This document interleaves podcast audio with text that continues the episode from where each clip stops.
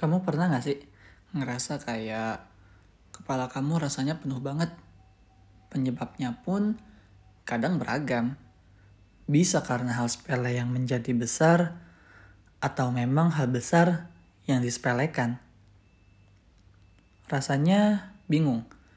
Mau cerita, tapi takut ngebuka masalah sendiri ke orang lain. Tapi kalau nggak cerita, kepala ini rasanya kayak mau meledak. Ada beberapa fase yang kadang memaksa kita untuk menyuarakan apa yang kita rasakan. Karena ada beberapa bagian dari diri kita yang ingin dianggap ada, ingin diakui kehadirannya. Jujur saja, semua orang mulai berlomba-lomba untuk menjadi si paling baik-baik aja. Semua orang mulai mewarisi tradisi memendam perasaan sedalam mungkin. Ya, Mungkin dari situ kita kayak lagi ngubur mayat hidup yang mencoba bangkit lagi. Karena mereka dari awal emang ada. Mereka dari awal udah jadi bagian dari diri kita. Suatu ketika, aku baru aja deket sama teman sekelasku. Sebut aja namanya F. Waktu itu, dia tiba-tiba nge-reply SG ku. Dan dari situ mungkin awal kedekatan kita. Waktu itu aku nge-share sebuah postingan gitu di SG. Captionnya agak nyentuh di hati karena si penulisnya bilang kalau ayahnya udah meninggal dan gak bisa ngelihat dia sekarang lagi kuliah di negeri orang. Terus dia, ini si F ini temanku ini, kayak ngirim emot sedih yang ada air matanya itu loh. Dari situ mulai terbentuk basa-basi yang cukup dalam pembahasannya. Aku awalnya ragu buat cerita ke dia tentang alasan aku nge-share postingan itu di SG. Tapi dia ngiyakinin aku buat cerita karena dia bilang dia pun akan ceritain hal dengan konteks yang sama. Ya udah, aku mulai ceritain permasalahannya. Dari awal sampai akhir, aku ringkas jadi sebuah cerita yang cukup mudah dipahami. Pas udah selesai, dia ngasih tanggapan dan ngasih sedikit saran. Dari situ aku ngerasa sedikit lega aku menyadari satu hal bahwa ternyata aku bukan oversharing, tapi emang lagi butuh jalan keluar aja. Lagi butuh penawar dari racun yang mengendap. Dan itu ngebuat aku jauh lebih baik dan membuka perspektif baru karena saran yang dia kasih ke aku. Cukup membantu, sangat membantu. Ternyata gak ada yang salah untuk percaya sama orang. Karena Seringkali yang membuat kita sakit hati adalah ekspektasi kita akan jawaban yang akan kita terima.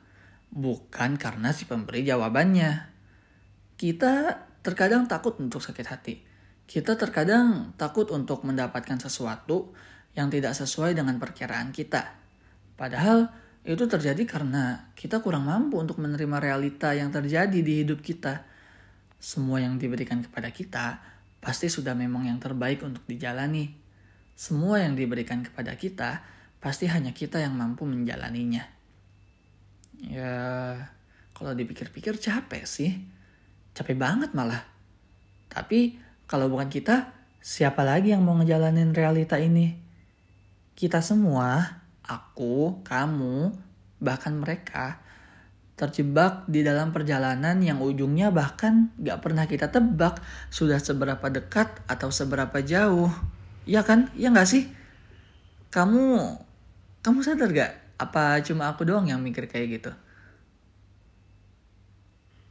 Kamu gak sendiri.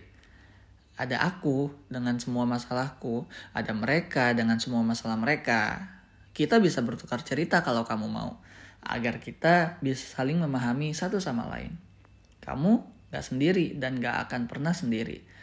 Setidaknya kamu harus membersamai dirimu juga saat gak ada siapa-siapa yang bisa mengerti kamu.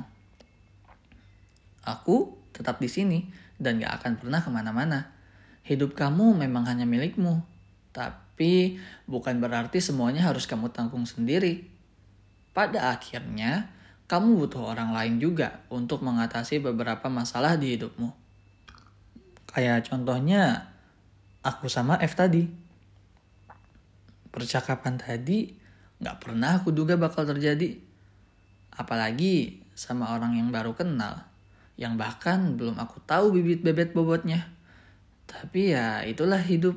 Dunia terus berputar, roda kehidupan terus berjalan.